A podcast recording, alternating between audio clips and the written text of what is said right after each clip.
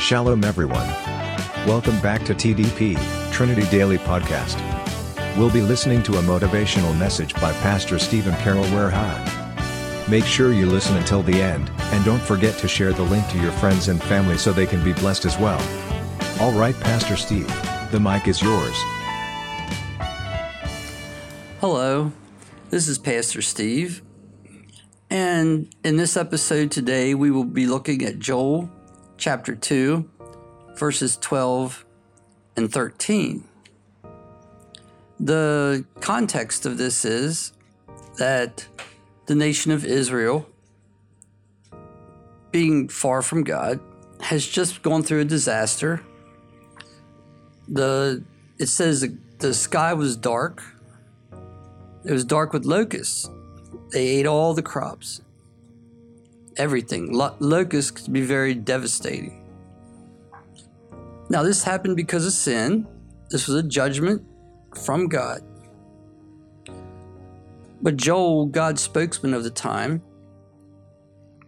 was sharing that, you know, this, as bad as this is, the future judgment, the future day of the Lord is even worse the plagues and all that go on then are going to make what go, what happened now look like nothing.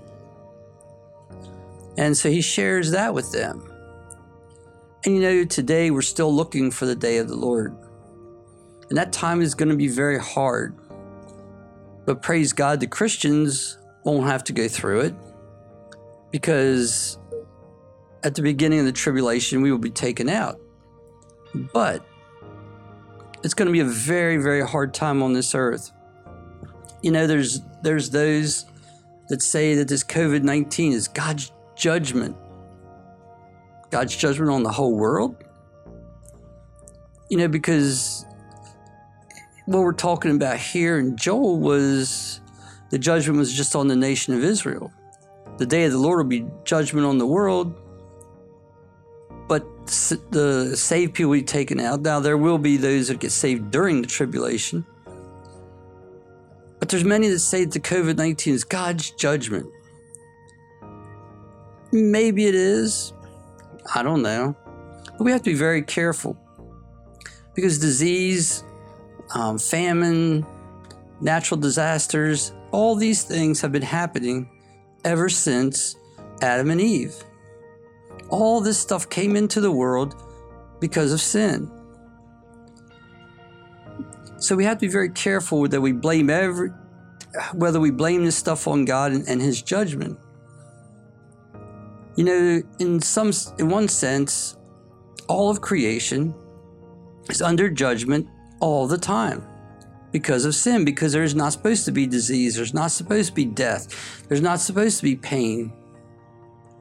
But because of sin, we have it. So I'd be very hesitant to just say that this COVID 19 is God's judgment on the world. It should cause us to it should cause us to think about ourselves. It should cause us to think about the unsaved. So there is there is a reason that God would allow it. But we do see that the world is a mess. God's judgment would be just. And so that's, it's fine, but it's whatever God wants to do according to his plan. We just have to be careful that we don't blame everything on God's judgment, specific judgment. Now, when we look at when we look at what's going on in Joel here, he's talking to the nation of Israel. Now, of course, in our case, the the world you know, the unsaved, they need salvation. That's true. But we're talking here about saved, those that have turned away from God. And you know, we live in a world today where there's many people that say they're Christians, but when you look at their life, you don't really see it. So in Joel chapter 12, God says this Now therefore, says the Lord, turn to me with all of your heart.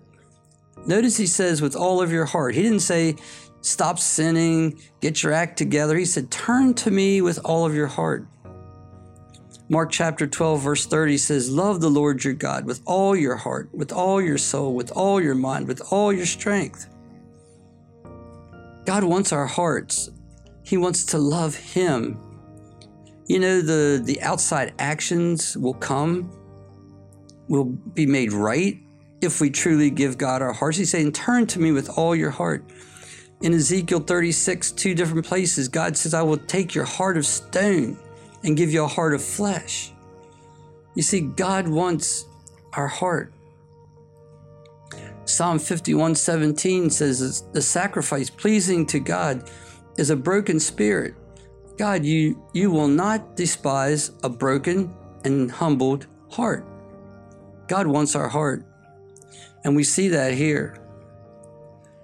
You know, and it goes on to say that you turn to turn turn to me with all your heart, with fasting, with weeping, and with mourning. How do you react to sin? Do you say, oh, oops, I made a boo boo. Forgive me, God. Or do you grieve over that sin? It says here we're supposed to weep and mourn. You know, it's the idea of when we lose a loved one, you know, we've we've broken fellowship in, in one way, we've lost God we, because we've broken fellowship with Him. We haven't lost our salvation, but when we sin, we've broken fellowship with Him. We've, we've grieved Him. We've grieved the Holy Spirit, and the Bible tells us not to grieve the Holy Spirit. When we sin, it's a serious thing. Do we weep and grieve over our sin?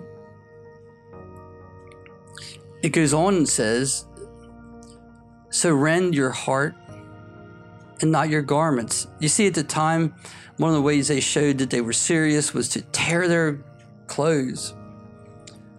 God said, No, no, no.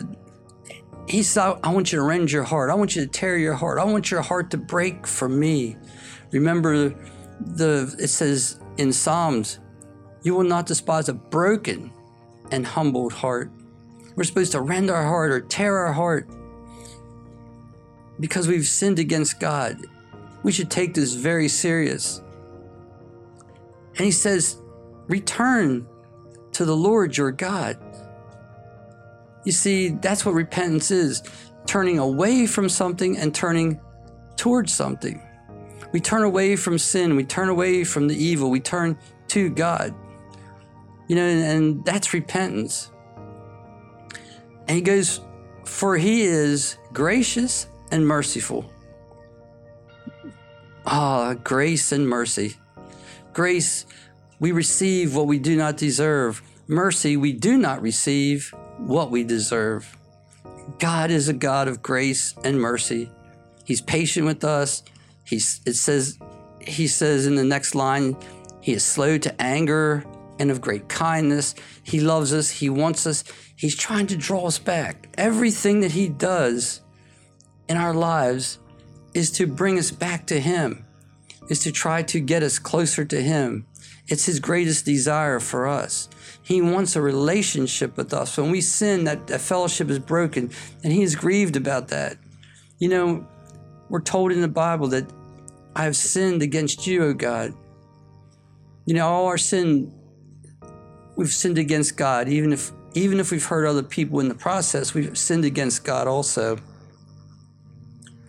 God saying, Come back to me.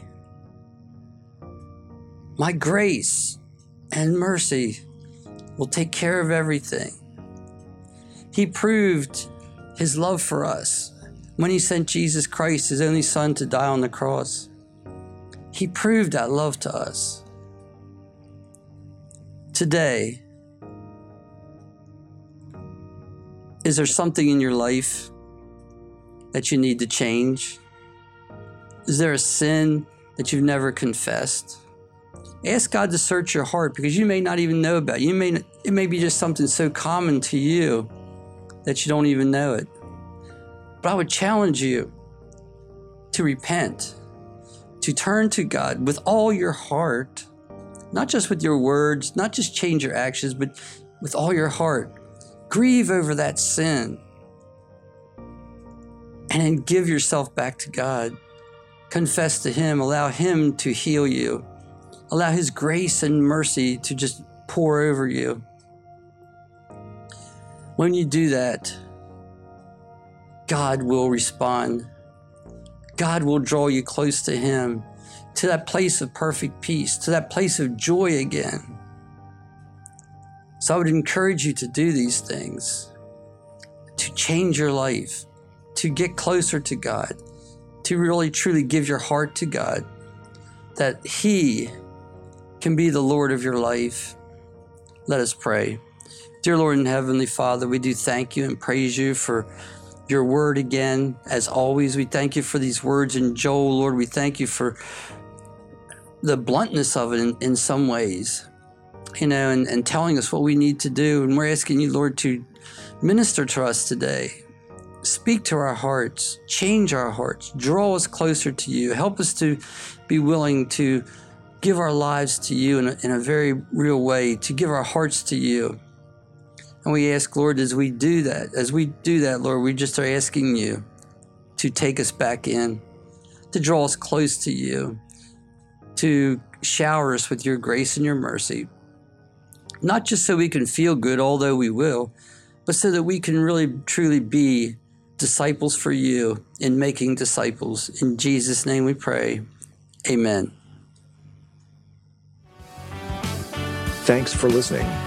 Hope you are blessed. See you again in our next podcast. God bless you.